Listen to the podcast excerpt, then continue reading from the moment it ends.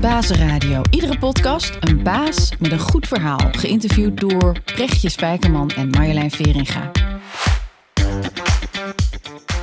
Ditmaal Janine Vos, CHRO, oftewel Chief Human Resources Officer bij Rabobank. Een dame die verstand heeft van mens, werk en hoe deze verhouding goed werkt binnen een grote organisatie.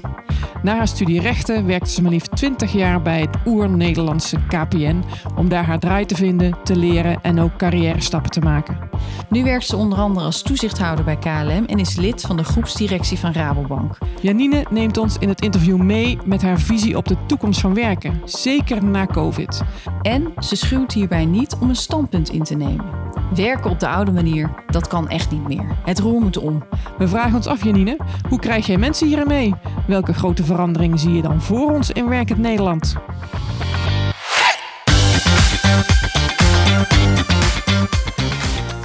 Wie ben jij eigenlijk?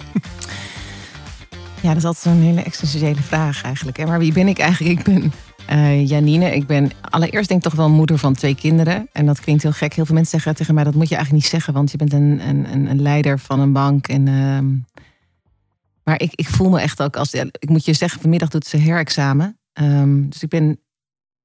Allereerst ben ik daar dan mee bezig vandaag. Dus dat is echt... Ik heb, heel, ik heb een volle agenda vandaag. Maar toch in mijn achterhoofd ben ik als eerste moeder ehm, van een jongen en een meisje. En een, getrouwd met Johan. Ehm, ik woon in Zeist. En wie ik ben, ik denk, denk dat ik een menselijke veranderaar ben. En dat ik een passie heb voor verandering en naar de menselijke component in. Dat is eigenlijk wie ik ben. En ik ben ook iemand die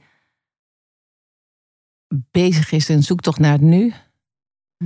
En die altijd met haar hoofd bezig is met morgen. Mooi gezegd. Een ziener, wat dat betreft, denk ik. Dat je ervoor probeert verder uit te kijken Ja. dan wat vandaag is in veranderingen.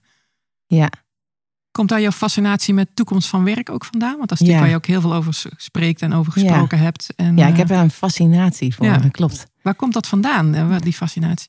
Nou, ik denk dat ik, dat ik toen ik jong was, wilde ik heel graag geschiedenis studeren. En eh, mijn vader wilde dat niet financieren, dat weet ik nog heel goed. ik, had, ik had een fantastische geschiedenisdocent die eigenlijk alles van het verleden eh, doorgaf naar, naar vandaag en naar morgen. En die zei, kijk, dit soort tendensen zitten er altijd in de maatschappij. Mhm. En het gaat natuurlijk over macht, het gaat over verandering en het gaat over weerstand eh, en over en, en, en dat dat altijd zal blijven. En dat vond ik toen al zo fascinerend dat ik dacht, en hoe gaat dan de toekomst eruit zien? Het is eigenlijk altijd wat ik in mijn hoofd heb dat ik bezig ben met hoe gaat morgen eruit zien? Maar wat interessant is eigenlijk dat. ehm, ik zou aan de ene kant ben ik super nieuwsgierig en hoe zie jij dat dan vanuit jouw vak en zijn eh, voor je, vanuit je positie. Maar omdat je natuurlijk ook kan beïnvloeden, beïnvloed je die toekomst ook. Ja, ik denk dat dat ik het allerleukst vind van mijn vak. Beïnvloeden. Ja, Ja? ja.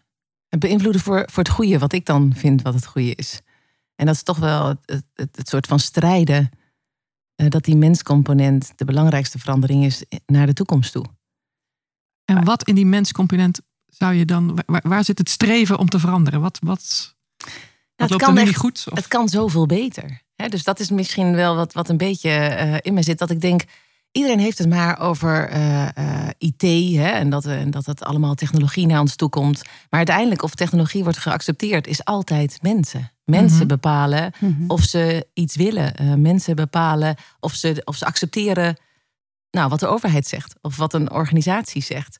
Ehm, en dat zijn die onderstromen die zo spannend zijn... dat heel veel mensen daar maar niet aan beginnen. Dus we beginnen over hele rationele taal als KPI's. En, eh, Mhm. en we gaan allemaal naar een FUCA-wereld. En uiteindelijk moet je hem heel klein maken. En zeggen, waar ben jij bang voor? Wat is wat ons samen beter maakt? En wat is rationeel wat er moet gebeuren? Hè? Dus je moet allerlei breincomponenten bij alle mensen door... om te zorgen dat die verandering echt komt. Dat vind ik, dat vind ik Ja. fascinerend. Mhm. En ehm, waar zijn mensen nu bang voor? Wat zie jij? Ik denk dat. Er wordt gezegd dat, dat mensen vier breinen hebben. Hè? Ehm, en het eerste brein is altijd het reptiele brein. Dat hebben we allemaal. Ik denk dat dat is mooi als we dat allemaal zouden onderkennen. Dat, de eerste, dat het eerste wat verandering is, dat het angst oproept. Dat is gewoon zo zijn we bedraad. En of je nou gelooft in een oertijd of je gelooft in andere dingen. Het is gewoon het eerste wat je, wat je doet, is dat je de fight, flight, freeze.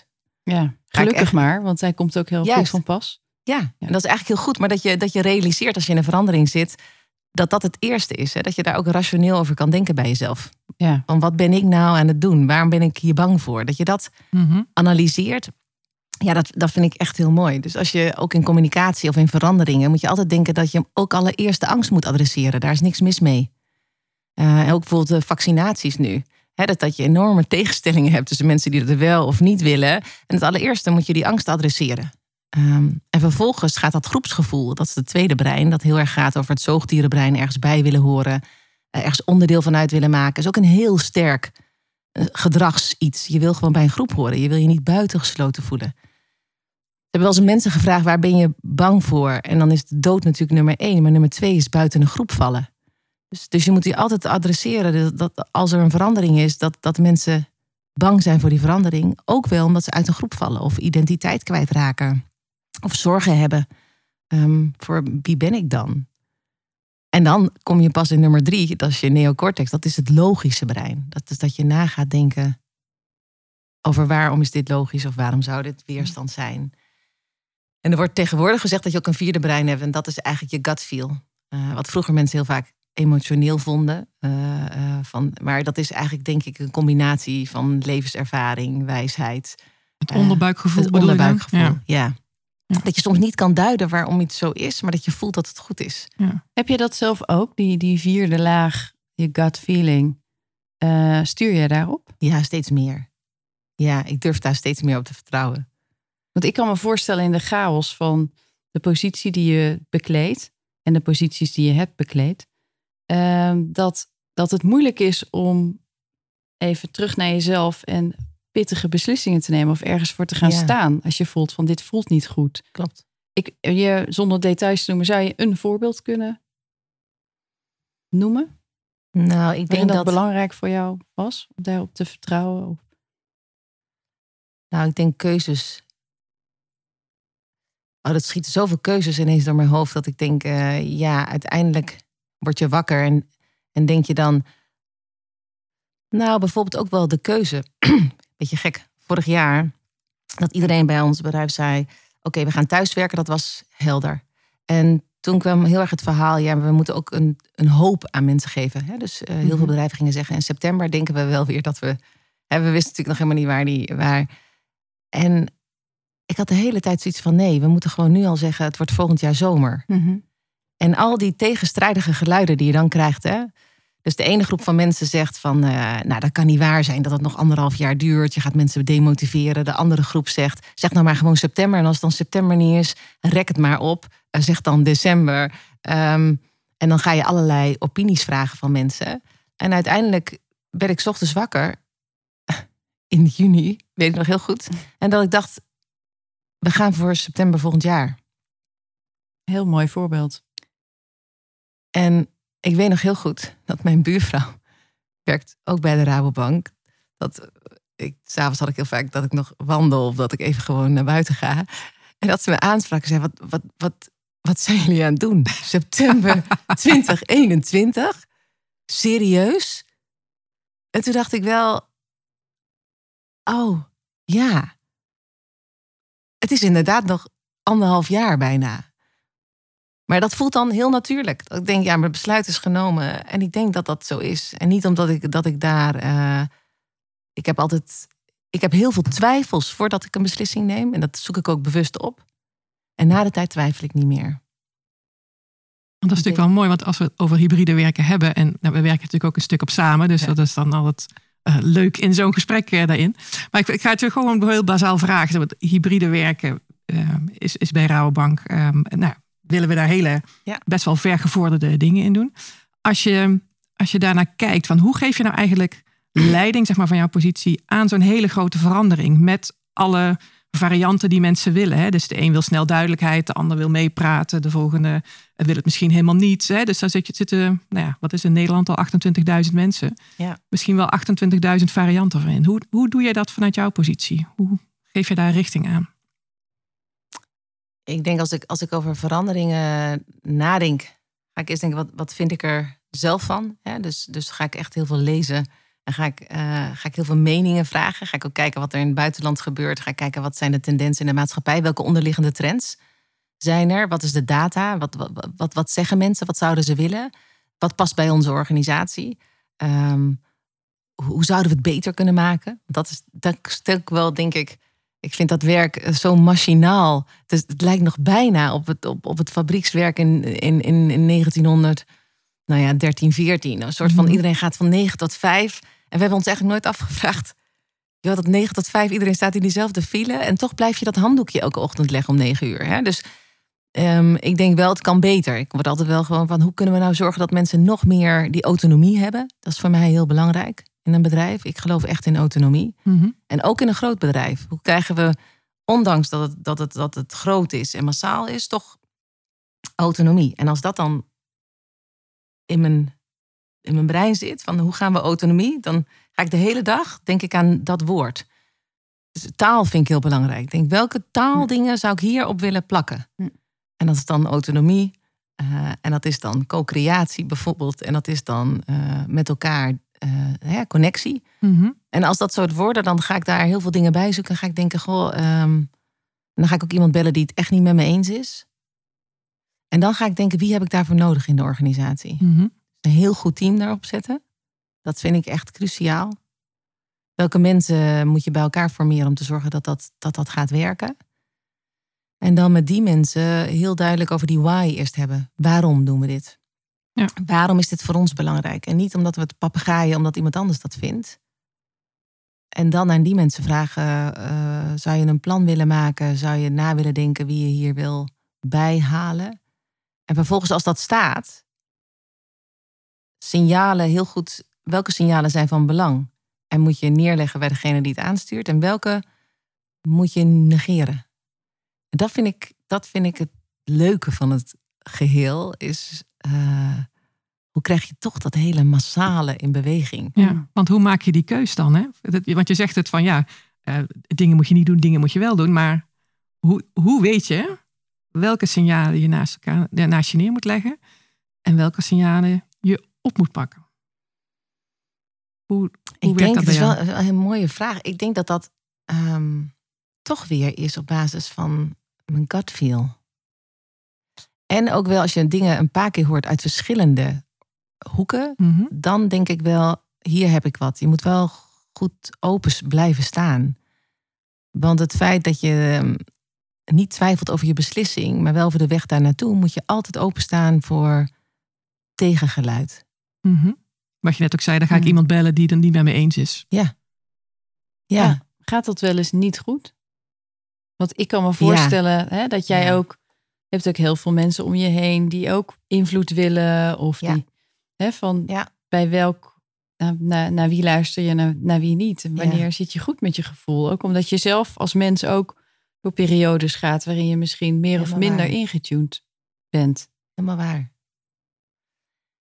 Ik denk dat dat het allerlastigste is. Naar wie luister je, naar wie niet. Ja. En ook wel jezelf soms te behoeden van de irritatie die je hebt, omdat je soms toch je zin wil hebben. Mhm. Ehm, Hoe ziet dat eruit? Eh, ja, en ik heb daar wel de afgelopen jaren veel in geleerd. Want ik, ik heb wel een tijd gehad dat ik dacht, ja, en nu, kom op, weet je wel, gewoon eens doorpakken. Dit gaan we gewoon doen. Mhm. En we zien wel als het niet lukt. Daar heb ik ook wel een paar keer in mijn hoofd gestoten. Dat ik dacht, ik had toch beter. Ik had toch beter ehm, verzet moeten organiseren. Ik geloof wel, als je kijkt naar Black Lives Matters, als je kijkt naar de gele vestjes, naar Zwarte Piet, gaat heel erg over kansen. mhm. En word je gehoord en word je gezien. En ik denk dat je je altijd moet beseffen dat je zelf ook een bias bent. Hè? Dus je Mhm. bent zelf ook een mens met allerlei oordelen en, en, en, en, en aannames. En ehm, wil je soms niet zelf behouden wat jij ook graag wil behouden. Hè? Mhm. En geef je genoeg ruimte voor die ander, maar ook kansen voor de ander. En creëer je, creëer je inclusiviteit. Mhm. Ik ben daar wel veel, me, veel bewuster van geworden. Want ik dacht dat ik dat, dat ik dat goed deed. Totdat ik de afgelopen tijd ook wel eens wat, wat, wat signalen heb gehad of dingen dat ik dacht, maar wacht even, dit is een heel ander perspectief. Hm. En zo ben ik bijvoorbeeld of niet opgevoed, of ik heb toch veel meer eh, een pad gewandeld eh, wat makkelijker was vergeleken met andere mensen. Mhm. En ik denk dus dat kritische, dat ben ik de laatste paar jaar meer dan daarvoor. Hoe komt dat, denk je? Dat dat de laatste jaren erin is gekomen? Ik denk wel dat je zelf ouder wordt. Wat milder over jezelf en de Mhm. ander. Eh, dat je ook zelf dingen meemaakt, privé, maar ook zakelijk. Dat, je, dat iedereen daar een mening over heeft. En dat jij denkt, ja, maar de wereld is veel. Het, was, het, is, veel, het is veel groter. Ehm, ik kan nu ook naar media le- lezen en denk, ja, maar dit heeft ook eerst een ander verhaal. Ehm, zou ik daar, weet je wel, dus ik, ik ben wel genuanceerder gaan denken. Ik denk dat dat komt door leeftijd, maar ook wel door de functie die ik heb. Ehm, en ook wel wat ik zie in de maatschappij. Het, het mooie wat jij net aangaf, hè, van je gaat, autonomie is voor jou heel erg belangrijk. Maar dat is ook weer zo'n schijnbare tegenstelling, hè? Want je Ja. wil autonomie, als jij het bedenkt, dan is het de kans groot dat je het oplegt. En dat Ja. de rest zegt, ja, maar daar zaten we eigenlijk helemaal niet op te wachten op deze regelruimte. Hoe doe je dat? Ja, ik vind dat, eh, dat nou ja, Marjolein weet dat ook. Dat vind ik het meest fascinerend. Want aan de ene kant zou ik willen zeggen, ehm, we hebben bijvoorbeeld gezegd, digitaal eerst. Hè? Dat zeggen we tegen Ja. onze klanten. Eh, en op de momenten er zijn die ertoe doen. Zo zou het concept van werk ook intern moeten zijn. Digitaal en we zijn er bij elkaar op de momenten die ertoe doen. Mhm. Het is best een, een makkelijk principe. En toen kregen we steeds meer vragen. Van ja, maar zeg nou maar wat jullie willen.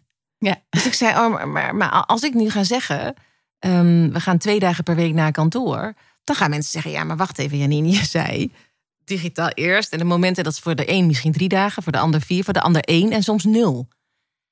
En ik kreeg ook steeds meer feedback van mensen. Van joh, zeg nou maar gewoon waar jullie aan zitten te denken. En toen zei ik, ik mag dus niet daar niet aan denken. Omdat mensen eigenlijk al denken dat ik een vooropgezet plan heb. Hè? Dat allereerst. Hè? En twee is dat mensen zeggen, ja, maar ik wil richting. Maar ik denk toch, ja, maar het is toch heel duidelijk die richting. Digitaal eerst. En alleen bij de momenten er zijn die er echt toe doen. Dus die... En dan krijg ik zelfs vragen als, ja, van Janine, mogen we niet meer met een laptop naar kantoor? Ja, het is echt, te- het is bijna te hilarisch. Dus ik denk, heb ik dat, ge- ik heb dat inderdaad gezegd. Van, gebruik nou je laptop niet als je opnieuw naar kantoor gaat als een schild om niet te communiceren. Want wat we het meest dit jaar gemist hebben, is elkaar. Mhm. Dus als jij die laptop gaat gebruiken om weer naar binnen te keren en je te verschuilen achter je, achter je device. Het essentiële is weer dat we communiceren, dat we luisteren naar wat die ander doet. Dat we proberen innovaties te vinden door samenwerkingen aan te gaan. Ja. Dat is wat ik bedoel te zeggen. En wat het effect is. En het effect is dat mensen zeggen: Ja. eh, eh, ik mag niet naar kantoor. En, en dat soort dingen, dat, dat was jouw vraag dan ook. Hè? Dus, dus autonomie versus hoe gaat het eruit zien? Dat is mijn continue Dat is ook heel lastig, hè? veld. ja. Als het te veel vrijheid is, hè, dan wordt er toch weer naar jou gekeken om die vastigheid. Ja. Hè, van, En ook als je dat dus dan weer aangeeft, want mijn eh, assumptie is dat het twee dagen per week naar kantoor is, dan denken mensen dus ook weer van negen tot vijf, twee dagen naar kantoor. Maar Ja. dat bedoelde ik niet. Ja. Dus, ehm, en dat vind ik ook wel weer een heel leuk speelveld. Dat je dus zegt, dit is het. En dan komt er heel veel beweging van, we willen meer duidelijkheid. Dan zeg je, de assumptie is twee dagen. Dan krijg je daar weer allerlei vragen over. En dan ga je eigenlijk weer terug naar die why. Nee, maar wacht even. Zeiden... Dus, dus dat vind ik het continue speelveld in communicatie.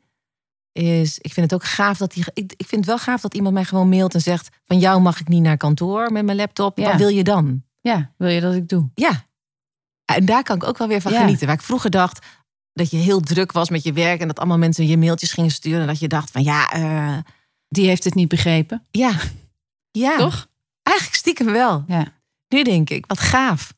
Of dat iemand afgelopen jaar heb ik geprobeerd heel veel te communiceren. Hè, dus met vlogs en, eh, en ook naar de organisatie. Van waar staan we? Wat zijn de, de, de doelstellingen? Waar willen we naartoe? En dat dan mensen mij mailen. ehm, bijvoorbeeld Janine, je noemt heel vaak jongeren. Maar je noemt niet vaak ouderen. En ik voel me door jou niet genoeg gezien. Wauw. Ehm, en ik denk dat ik vijf jaar geleden zou denken van... ehm, een soort van eh, dat ik het dat ik het zo snel mogelijk wil oplossen. Hè? Dat je zich mailt van sorry, maar uh, nou, dit, dit, dit doen we wel. En nu denk nee, laat dat er maar zijn. Als dat er is, dan is dat legitiem, want iemand voelt dat zo. Uh, vroeger denk ik dat ik argumenten zou willen aangeven. Ja, maar dat is niet zo, want in die die vlog heb ik dat, dat gezegd over ouderen.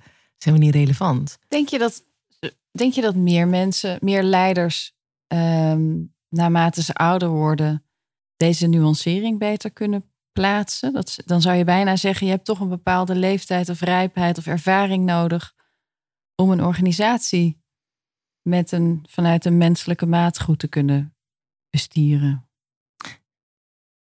Nou, misschien. Je hebt ook jonge mensen met een oude ziel. De een heeft gewoon. Ik zie bijvoorbeeld bij multicultureel talent zijn sneller wijs. Uh, um, omdat ze al veel meer obstakels hebben moeten meemaken in hun leven. En dat wil niet altijd dat, dat, dat mensen die niet multicultureel zijn dat niet hebben hoor. Maar ik zie het, ik zie het met mensen die veel meegemaakt hebben. Dus het is ook wel het pad wat je gaat in je leven, denk ik. Um, en iedereen heeft daar zijn eigen fases in, denk ik, van leren. Ik vind die combinatie heel mooi tussen um, ervaren en niet ervaren in die zin. Mm -hmm. Omdat je moet ook zorgen dat je niet terugvalt en denkt, nou, een soort alles mag er zijn. En dat je bijna te langzaam gaat. En, en dat vind ik wel heel gaaf van, van soms niet ervaren. Is gewoon, we doen het. Hè? We zien wel wat de ellende achteraf is. Ja. Ik vind juist ook daar weer die diversiteit en die, die combinatie van beide heel ja. belangrijk. En ik dacht dat ik deze functie ook zou kunnen. Toen ik 28 was, dacht ik ook move over. Uh, uh, dit is wat ik Hier kan. Kom. Ja, ik kan. ja. En hoe, hoe, hoe, fout zat ik? Ik had dat echt, ik, nee, met wat ik nu weet, nee, had ik toen niet gekund. Ja. En wat ik ook wel, um, wat me bij jou opvalt, zeg maar, is dat jij um, de toekomstvisie, uh, die je ook heel erg leuk vindt en heel inspireert, die mij ook inspireert daarin, um, best wel ver weg legt en ook best wel heel anders maakt dan hoe we nu met elkaar aan het werk zijn. Ja. Is dat iets wat je daar expres aan doet? Want ik merk bijvoorbeeld ook dat sommige mensen dat ook wel je heel angstaanjagend vinden. Andere mensen vinden dat heel inspirerend. Daar wordt natuurlijk heel verschillend ja. naar gekeken. Is dat een manier uh, juist om die verandering in te zetten? Of is dat jouw ja. eigen inspiratie? Of wat, wat ja. is dat dat je daarin doet? Nou, ik denk dat jij het mij zo vraagt. Denk ik het eerste is van, dat, dat doe ik wel. Ik vind dat helemaal niet zo ver weg. Snap mm -hmm. je wat ik bedoel? Dus ik mm -hmm. denk, um, waarom zijn we daar nog niet? Um, en tegelijkertijd denk ik ook wel dat het een soort sense of urgency die iedereen moet hebben. Is de, de wereld zal altijd veranderen. En um, daar kunnen we allemaal in mee. Maar dat betekent wel dat je, dat je altijd moet blijven leren. Mhm. Mm -hmm. En niet als dat school leren, maar gewoon altijd openstaan voor wat kan ik zelf beter doen. Reflectie op jezelf, reflectie op je omgeving, feedback ophalen. En dat is ook gekke dingen leren. Ja, dat is continuous improvement. Of ja. hoe moet je dat zien? Ja, maar ik ja. denk dat je er ook een leuker mens van blijft. Snap je wat ik bedoel? Ik, mm -hmm. ik, um, als mijn eigen partner niet blijft uh, ontwikkelen of zo, of nieuwe dingen blijft doen, dan denk ik dat ik hem ook minder interessant ga vinden. Dus ik heb ook wel, het is niet alleen maar een bedrijfsvisie, het is ook mm -hmm. gewoon misschien wel een levensvisie. Dat, dat ik hoop toch echt wel, als ik, als ik, als ik 80 ben, dat ik, dat ik nog steeds me betrokken voel bij de maatschappij. Ik denk mm -hmm. dat dat. Als ik... is dat wel mijn grootste angst. Dat je ooit wakker wordt s ochtends en dat je denkt: voeg ik nog ergens waarde toe? Ja. Dat lijkt me. Dat is echt de drijfveer van jou om daar iedere keer ja. weer stappen in te blijven maken. Ja. Als ik naar jou, want ik vond een mooie vraag, een deel van jouw vraag, volgens mij, Marjolein, als ik jou goed begrijp, is ook van: zet jij expres een stip ver op de horizon om mensen, dan, dan valt die verandering altijd mee, dan trek je ze in ieder geval. Ja. Dus of onbewust wel, denk ik. Ja? Ja. Misschien maken jullie dat nu heel bewust, maar onbewust wel. Ja. Omdat ik denk. Ik denk dat ik wat ik een tijd niet goed gedaan heb, is dat ik de step, stip zo ver wegbracht dat mensen dachten, ah, dat duurt nog zo lang. Ik hoef nu niet te bewegen. Ik probeer hem nu wel telkens heel concreet te maken. En wat kan je dus vandaag doen om te zorgen dat je naar morgen gaat? Mm -hmm. um, en ik denk ook dat je altijd een soort hoop hebt. Van een hoop van, joh, het kan nog zoveel beter. En we, we kunnen het ook met z'n allen.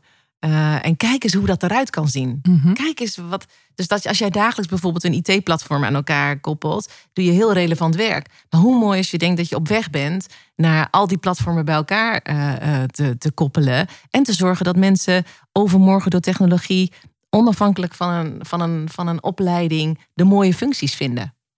Dat is toch heel gaaf om aan te werken. Ja. Dat je denkt, ik ben gewoon bezig met een schakel naar iets groters. We hebben het eigenlijk ook over. Je hebt natuurlijk ook hele grote reorganisaties begeleid. Hè? Ja. Ook binnen Rabobank een hele grote reorganisatie. Nu zitten we eigenlijk in een revolutie. Ja. Dat het werken gewoon helemaal op de schop gaat, wereldwijd. En dat we als mens dat opnieuw moeten uitvinden. Ik heb het idee dat dat helemaal jouw onderwerp is. Ja. En eh, kun je ons meenemen in wat vergezichten van hoe Ja. zie jij dat voor je? Je hebt al hier, hier en daar een tipje van de sluier gegeven. Nou, wat ik vorig jaar wel een soort dilemma vond, was wel, is dat aan de ene kant hè, was natuurlijk bij de start van corona natuurlijk vreselijk voor al de mensen die ziek waren. Je zag ziekenhuisopnames, je zag ook klanten van ons ineens hun business gewoon volledig wegvallen. Hè. Kijk naar horeca of het was of, toerisme, alles. En ik zag het ook bij KLM, waar ineens gewoon alles wegviel. Ehm, en dat ik me bijna een soort schuldig voelde. Dat ik dacht, god, er is ook een hele goede variant hieraan. Aan, aan, aan, aan deze crisis.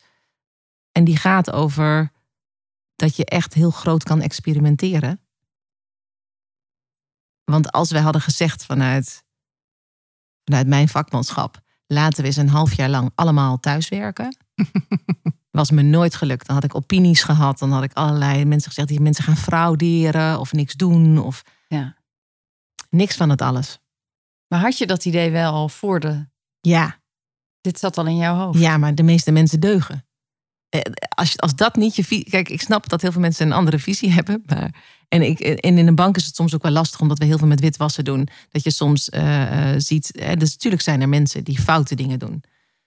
Maar over het algemeen willen de meeste mensen... de goede dingen voor de maatschappij. En de mensen die dat niet doen... hebben vaak ook een achtergrond dat ze zo teleurgesteld zijn...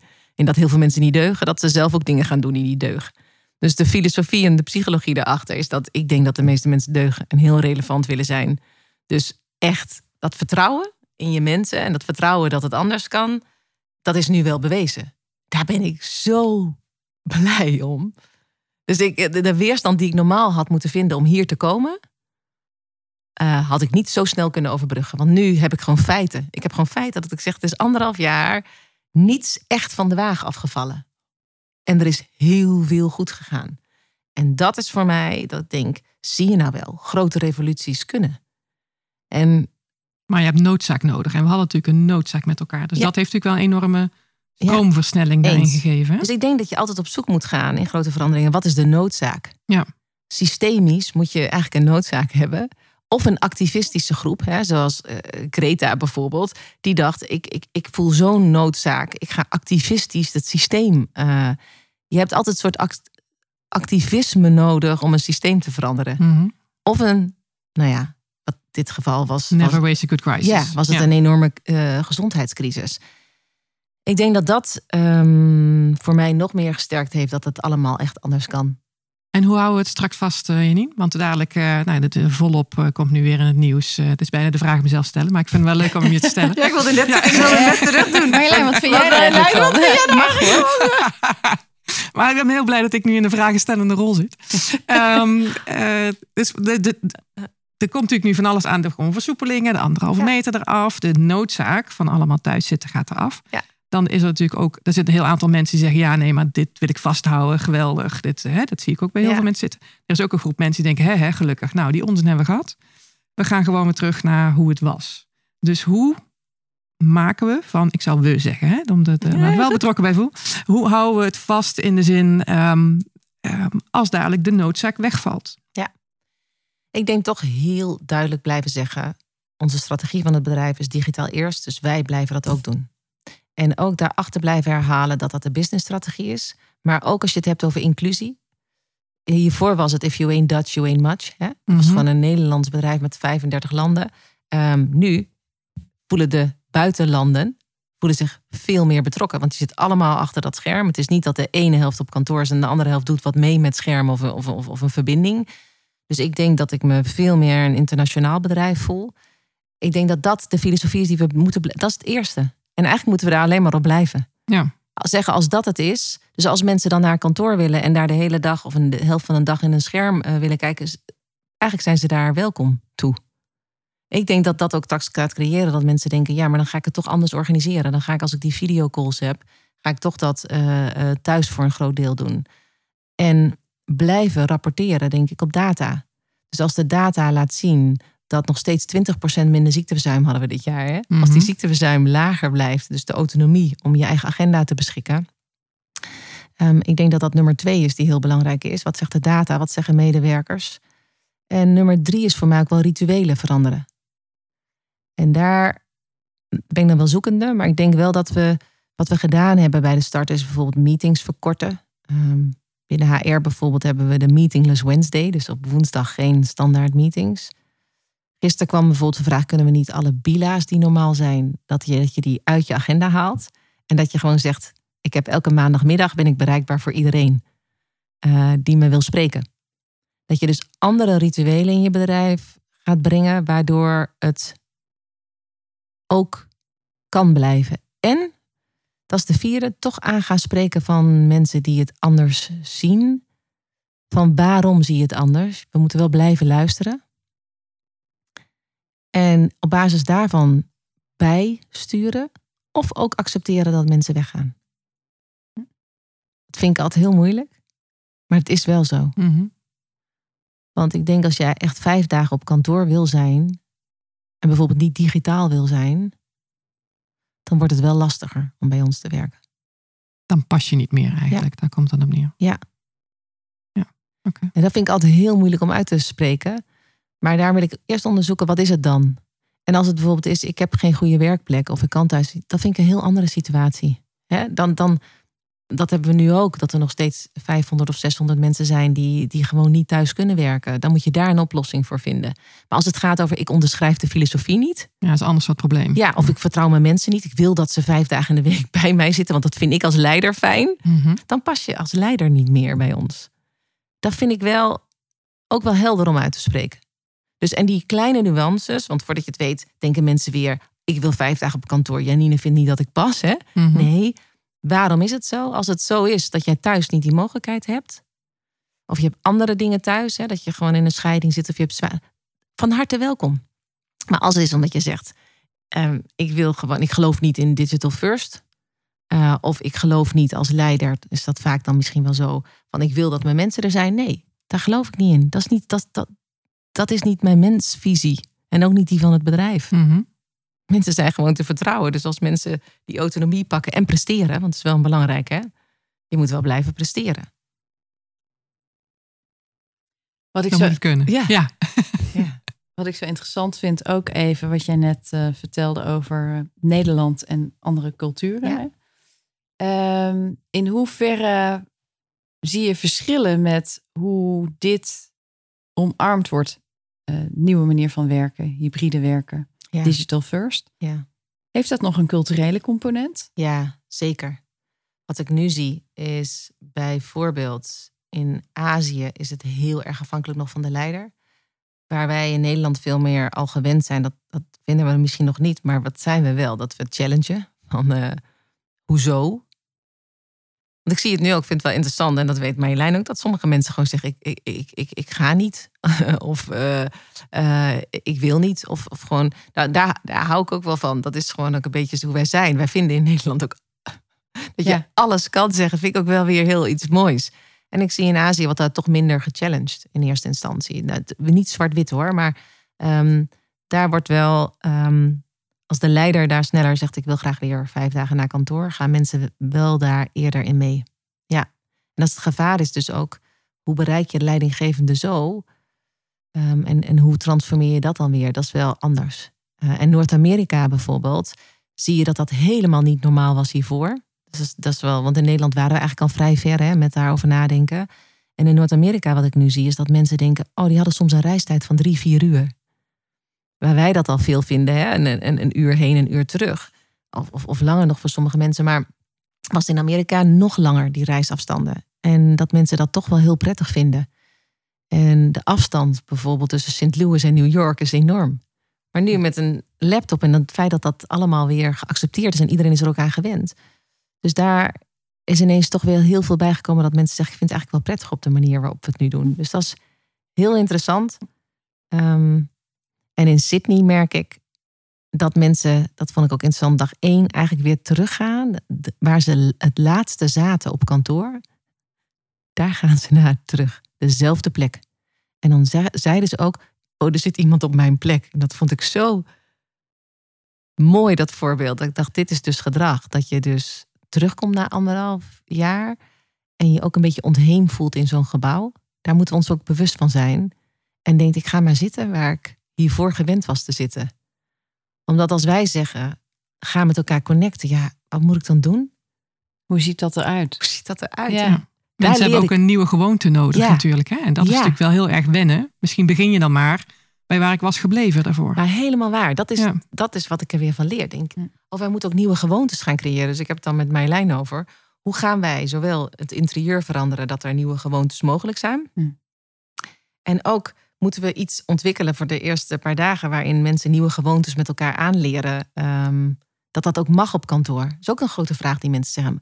Ja, maar mag ik dan ook tijdens corona, dan zei ik bijvoorbeeld, het is heel goed om wandelend bila's te doen of, of per dag. Maar, maar, mag dat dan? Alsof het in de buitenwereld, als jij een telefonisch iets doet in het bos, of je doet dat thuis, dat het dus die in het bos kan. Dacht ik, ongelooflijk. We hebben gewoon, we zijn zulke gewoon. Dat is zo heel logisch eigenlijk. We moeten dus nieuwe gewoontes met elkaar creëren, want anders gaat het niet lukken. Ja, en, wat is werk? Dat merk ik ook wel soms in die gesprekken. Dus als we nu aan het ontmoeten zijn, zijn we nu aan het werk of zijn we nu aan het ontmoeten? En alsof dat dan iets anders is. Zeg maar, dus en dat nu ga ik weer aan het werk. Ik ja. echt aan het werk. nou, dat is heel leuk dat je dat zegt, Bergje. Want um, dat krijgen wij nu ook terug. We doen nu een pilot met duizend mensen. Is dat ook heel veel feedback die terug is van... Ik heb een hele leuke dag gehad op kantoor. Maar ik voel me niet zo productief. Ik heb niet heel veel gedaan. En toen dacht ik hiervoor. Ja. we zaten wel vijf dagen op kantoor. Hoe leuk. Hoe ook je, nou ja, hoe je eigen brein ook is. Dat je gewoon. Dus, dus die combinatie is ook goed. Want thuis mhm. werk je geconcentreerder. Mhm. Dus het heeft uh, allemaal, um, het heeft gewoon allemaal met gewoontes te maken en dat bespreekbaar maken. Het heeft ook heel veel dingen voor mensen losgezet. En dat is denk ik wel een heel mooi moment daarvoor. Ja. Dat heel veel dingen die bazaal gewoon eenmaal zo waren, nu ineens ja. loszitten. En dat geeft soms ook onzekerheid. En dat is wel zo. Ik denk dat ehm, structuur geeft houvast. En wat ik wel onderliggend zie, is dat dit jaar is al de structuur bij mensen weggevallen. En daar heb ik ook fases gezien dat dat psychisch heel moeilijk was voor heel veel mensen. Dus de psychische kant van verandering hebben we denk ik als organisaties, maar ook als mensen te lang niet echt onderkend. Mensen zijn op zoek naar houvast. Uh, zien ineens ook privé dingen die ze misschien jaren voor weggelopen zijn, omdat ze gewoon vijf dagen naar kantoor gingen en die werk-privé-balans. Ik denk dat we nu straks ook krijgen. Je hebt alles nee kunnen zeggen tegen privéafspraken. Die komen er straks weer bij. Hè? Mhm. En hoe zeg je dan nee tegen je werk? Hoe zeg je nee privé? Hoe combineer je die beide? Ik denk dat je soms op zoek moet gaan naar chaos. Die zullen we straks ook weer krijgen als je naar mhm. kantoor gaat. Dat het voor mensen even weer kortsluiting is. De energie van die anderen. Ehm, hoe ga ik werk organiseren? Ehm, soms denk ik wel eens, vragen we te veel van individuen. Tegelijkertijd denk ik, ja, dit is wel de wereld waarin we leven. Mm ja? um, maar dat, daar worstel ik nog wel mee. Hoe moet je daar dan mee omgaan? En moet je dan maar weer hele grote structuren gaan creëren om te zorgen dat het overzichtelijk wordt? Ja, ja en ik denk het, het individuele. Wil jij? Vul maar aan, uh, Marjolein. Prima, ga je gang. Ik ben hem kwijt. Nee. Wil je dat ik hem. Uh... Nee, ga je gang. Ja? Stel je vraag. Nou, ik zat altijd te denken, het, het individu daarin zal een reis moeten maken of zelf moeten ontdekken van hoe werkt dat bij mij? Waar, waar gaat mijn energie naartoe? Wanneer kan ik een stuk schrijven? Wanneer ontmoet ik mensen? Hoe zit, uh, hoe zit mijn ritme in elkaar? Ehm, eh, maar tegelijkertijd is het ook een grote vraag van hoe organiseer je dat nou? Want waar Marjolein en ik het dan vaak over hebben, het is niet zo van het makkelijkste is cosmetisch. We maken een roostertje en dan, maar als iedereen andere wensen heeft Eens. Hoe organiseer je dat? En eigenlijk komt er dus ook veel druk, verantwoordelijkheid te liggen op uh, teams als unit. Ja, enorm. Daar waar eigenlijk nooit zoveel in geïnvesteerd is. Hè? Want Ja. we zijn wel groepsdieren, maar we weten eigenlijk niet zo goed hoe we moeten samenwerken. Niet Nee. meer. Nee, dit is de tendens die, die we natuurlijk al tijden zien. Hè? Eh, eh, teams. En dat vroeg, vroeger zei dat zelfsturende teams. Maar nu is het echt zo dat we ook nu vragen intern van... zeg eerst wat je zelf graag wil op basis van die principes. Stem het af met je team. Maar je team is leidend. Hè? Ehm, en die dialoog in teams... Ja, dat is echt wel... Hoe langer ik dit werk doe, is wel interessant... is dat ik vroeger allerlei gave dingen bedacht. En nu denk ik die basis, dat basisgesprek, hè, Ja. dat goede gesprek over wat wil jij, wat wil ik en hoe komen we, er komen we er samen uit. Eh, en hoe adresseren we ook dingen die niet zo goed gaan. Als je dat heel goed kan in een organisatie, ben je een winnende organisatie. Maar het is nog ingewikkelder, want je krijgt straks Enorm. de groepsdruk er nog bij. Hè? Vroeger was het, Marjolein, je gaat nu al voor de derde dag achtereenvolgens om vier uur naar huis. En dan ging ik tegen jou zeggen, nou Marjolein, die loopt er ook de kantjes vanaf. Straks, hè, dat is ook het gevaar van terugvallen in de verandering. Hoe reageert de groep op wat ik doe? Hè, voorheen was je een rebel als je je eigen wel je targets haalde, maar je deed dat in je eigen tijd Helemaal en waar. niet binnen kantoor. Straks komen er nieuwe Ja. eh, dingen, hoe we op elkaar gaan letten en hoe we ervoor zorgen. Wat ook een kracht heeft, hè? Maar eigenlijk zou ik iedereen die gelooft in dat het anders kan willen oproepen om een rebel te zijn. Want weet je, heel veel mensen zeggen, ja, jij haalt tel- telkens die uitspraak van Gandhi eruit. Maar het is wel zo. Dat, hè, de, first they laugh at you, then they ignore you, then they fight you and then you win. En uiteindelijk heb je dat nodig in verandering. Dat er mensen zijn die wel dus durven naar huis of, of binnenkomen om elf uur. Ehm, en om één uur weggaan. En dat moet je eigenlijk allemaal gaan creëren. Dat je, dat je dat durft om te doen. En dat je ook durft om daar aangesproken op te worden. En te zeggen, wat goed dat je dat zegt. Maar mijn resultaten zijn dit en dit. Ehm, en ik denk dat het ook goed is dat je het uitspreekt naar elkaar. In plaats van grapjes over elkaar maakt. Van, eh, oh nou, daar, hè, dit. Ik vind, ik vind dat soort conversaties zijn natuurlijk cruciaal. En ook soms accepteren dat dat er is. Vind ik ook heel moeilijk. Maar conflict is echt niet zo erg. Dat is wat anders dan strijd. Mhm. Gewoon eens opzoeken van dit werkt niet met elkaar samen. Wat kunnen we daaraan doen? En niet, oh goed, wat is dat erg? Nee, dat is normaal in verandering. Dat het niet allemaal is zoals het is. Ja, wat ik er wel mooi aan zou vinden als we het voor elkaar krijgen dat de manier van werken onderwerp van gesprek mag zijn. In plaats van we doen het altijd zo. Ja, Ik denk dat we dan al in deze verandering heel veel gewonnen Ja. hebben. In dat het gewoon dat wij gewoon één keer in de zoveel tijd met elkaar moeten gaan zitten. Jongens, hoe, hoe doen we dit nou? We gaan de- iedere dinsdag dat doen. Dat werkt eigenlijk helemaal niet. Moeten we het niet anders doen? eens. En dat we die verandering hebben. ehm, van daarvoor deden we het gewoon altijd op deze manier. En als je iets anders voorstelde, was je eigenlijk een beetje raar. Klopt. Dat dat die ehm, Ja, dat dat, dat zo'n zo'n soort stuk erin zit. Ja. En weet je wat ook wel leuk is? Want ik, ik moet zeggen, daar heb ik wel veel van jou geleerd, Marjolein. Ik denk dat... ehm, vroeger zei ik altijd, coaching is het vak van de toekomst. En mensen hebben er altijd een heel vaag voorbeeld bij. Hè? En, die, die, eh, en dat was eigenlijk vroeger ook wel dat je dacht een psycholoog of een psychiater als je daar naartoe gaat. Hè? En coaching is een combinatie. Is, denk ik, is, is een coaching is een stuk reflectie op jezelf en dat het soms structuur brengt in je eigen brein. En aan de andere kant is het ook nodig dat er sommige coaches zijn die helpen om een team opnieuw een structuur te geven. Ehm, en ik denk dat je ook niet angstig moet zijn om dat op te zoeken. Zo nu en dan iemand. ehm Marjolein is bijvoorbeeld heel goed in ehm, dat gesprek faciliteren, maar ook zorgen dat het heel concreet wordt. En dat je het uitspreekt van, maar wat is het dan? Hoe is het dan? Dat je het heel actiegericht maakt. Eh, en ik denk dat elk team wel iets nodig heeft om te bedenken: kunnen wij dit samen? Of moeten we hier hulp bij halen? Om te zorgen dat je, dat je beseft dat nu een kans is om iets nieuws te creëren. Waar bijna alle mensen blijer van zullen worden. Daar geloof ik echt in. Mag ik nog één ander onderwerp aankaarten? Want Ja, ik zat net trouwens te denken, Brechtje, jij vroeg mij over de toekomst van werk, maar ik heb volgens mij mijn half antwoord gegeven. Want jij vroeg, hoe de, was, was dat zo of niet? Eh, hebben een tijdje terug. Ja, Ja, nee, ik dacht, maar, maar dan is dit het voor jou. Maar misschien, ik, ik wilde nog een beetje doorduwen van... en als je nou iets verder kijkt...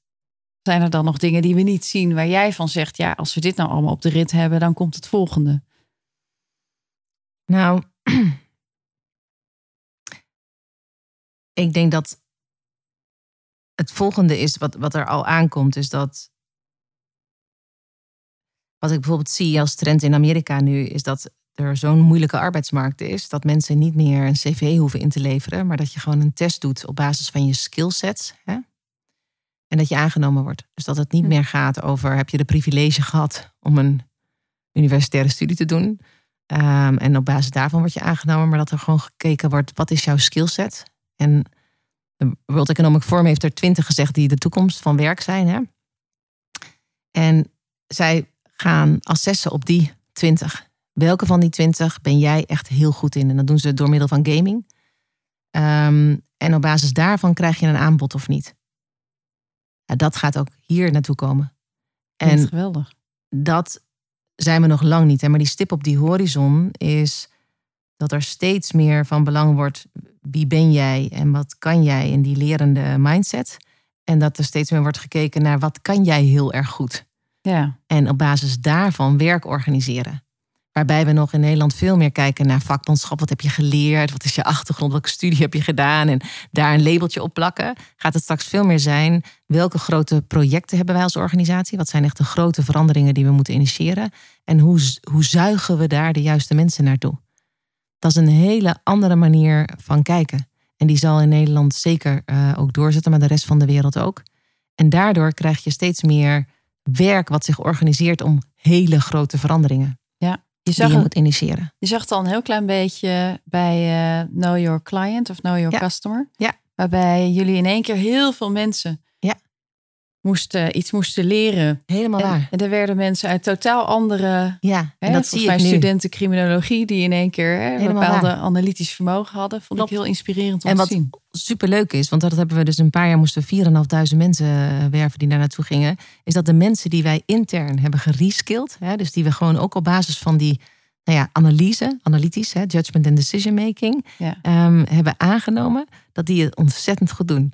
Dus dat is heel leuk. Je hebt ook expertise al. Het is, niet, het is een jong vakgebied. Maar we hebben ze afgezet tegen de, de ZZP'ers en de mensen die eh, tijdelijk dat werk doen. En dan zie je eigenlijk eh, dat mensen dat heel makkelijk kunnen aanleren. En dat is voor mij ook wel weer. Je bent niet je studie, je bent een mens met al je skillsets.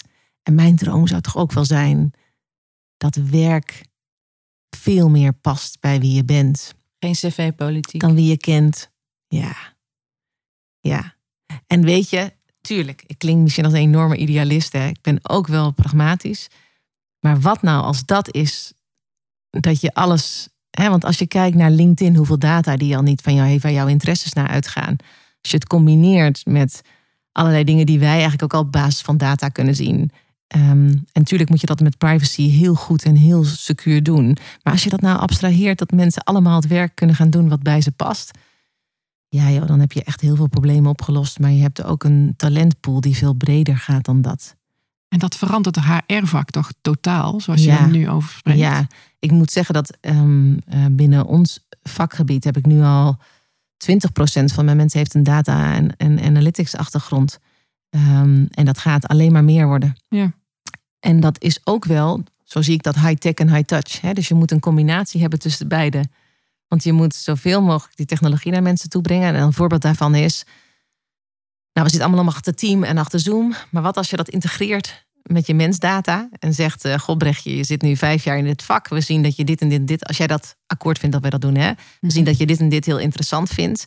Wat nou als je deze mensen die op jou lijken, doen dit en dit. En by the way hebben we vijf vacatures die misschien wel beter bij je passen dan wat je nu de afgelopen zeven jaar doet. En dat is echt toekomstmuziek, hè? Ehm, daar zijn we nog lang niet. Maar dat zou toch wel revolutionair zijn. Maar ja, daar zijn we nog lang niet. Jij bent er al mee bezig. En je hebt Ja. een behoorlijk speelveld om daarin te kunnen beïnvloeden. Ja. Zijn daar al volgende stappen voor jou in? Ja, ja. We gaan nu, ons doel is nu ook ehm, een deel van IT-afdelingen die hier zijn te combineren met mijn afdelingen. Dat je in squads en de manier waarop je werkt, dat je echt multidisciplinair. Dat is ook wel toekomst van werk. Dat je niet meer Ja. kijkt naar ik ben HR of ik ben risk of ik ben finance of ik ben business. Maar veel meer kijkt welke grote veranderingen willen we creëren en hoe gaan we multidisciplinaire teams daarop zetten. Nu ik veel meer multidisciplinair werk, zie ik hoe fijn dat is. En ook bijvoorbeeld facilities erbij. Jij wil toch als, als, als uh, medewerker en ook als klant, wil je toch één, één reis hebben. En je komt bij ons binnen en je moet naar die desk, naar die IT-desk, ergens anders je ding halen. Gewoon het feit dat je één bril hebt en dat is de medewerkerbril, dat, dat, dat is eigenlijk hoe, je, hoe we zouden moeten kijken. En nu kijken we het vanuit silo's. Dus ik kijk naar de toekomst. Bestaat misschien. People zal altijd bestaan. Maar de vraag is: bestaat een HR-afdeling? Nou, bij mij zou ja. Je hebt delen die dat doen. Maar je hebt eigenlijk gewoon multidisciplinaire teams die aan mensthema's werken. Mooi. Even als laatste vraag, want we zijn bijna door onze tijd heen, helaas. Um, welke tip zou jij hebben voor andere bestuurders die natuurlijk allemaal met dit vraagstuk nu lopen te worstelen en te doen over hoe zouden zij deze grote verandering kunnen aanpakken, zeg maar, om het momentum wat we nu met elkaar hebben, wat we beschreven hebben, ook echt niet te verliezen um, en weer terug te vallen in, um, in oude gewoontes, wat eigenlijk jammer zou zijn. Goed, dat is mijn smaak eraan. Hè? Maar de, ja. wat, wat zou je ze aanraden? Nou, allereerst zou ik zeggen, um, ken heel goed je eigen voorkeur en schrijf die op. En dan de vraag te stellen: is het omdat jij dat graag wil dat je dat nu aan je organisatie opdringt of verwacht? Mm Of is dat wat de organisatie wil? Dus de eerste zou voor mij zijn: wees heel erg bewust van je eigen voordelen, vooroordelen. En als je dat dan even abstraheert, dus dat het niet gaat over dat jij het misschien wel weer prettig vindt om naar kantoor te gaan, of andersom, dat jij het heel prettig vindt om elke avond thuis te eten, dat doet er niet toe. Ja, dat is NS1. Mm Het gaat over wat zegt de data, dat is nummer twee. Wat je bedrijf wil, wat zijn de dingen die heel belangrijk zijn in jouw bedrijf? Dus voel je echt wat er speelt? En nummer drie is, als je denkt, we moeten weer terug naar kantoor, wat is dan de, beteken, wat is de betekenis van kantoor in de nieuwe stijl? Dus welke routines, welke gewoontes wil je doorbreken? Dus welke vragen ga je aan de organisatie stellen? Met welke intentie ga je naar kantoor? Want uiteindelijk denk ik voor bijna elke organisatie dat je iets kan leren deze tijd. En misschien dat je een volledige innovatieclub bent en zegt we willen vijf dagen innoveren. Heel goed als je het, al die fases bent doorgelopen en dat is wat het is, is het ook goed hè? Um, of misschien denk je volledig thuis. Als je al die fases bent doorgelopen van je eigen vooroordelen, wat je medewerkers willen en hoe de productiekant zit. Ook goed. Maar het gaat erom, heb je al die fases afgelegd? Dat is wel heel belangrijk. Top, mooi. En, ver, en verder, ja. Vertrouw gewoon echt heel erg op je mensen. Uiteindelijk ben jij ook maar degene die niet alle informatie krijgt. Eerlijk uit je bedrijf. Als je dat realiseert, helpt ook. Mooi. Dankjewel voor dit uh, gesprek. Leuk. Ja, jullie dankjewel. Tot zover het interview. Wij hopen dat je geïnspireerd bent geraakt en dat het je aanzet tot nadenken over je eigen leiderschap en keuzes die je maakt in je leven. Wil je meer horen?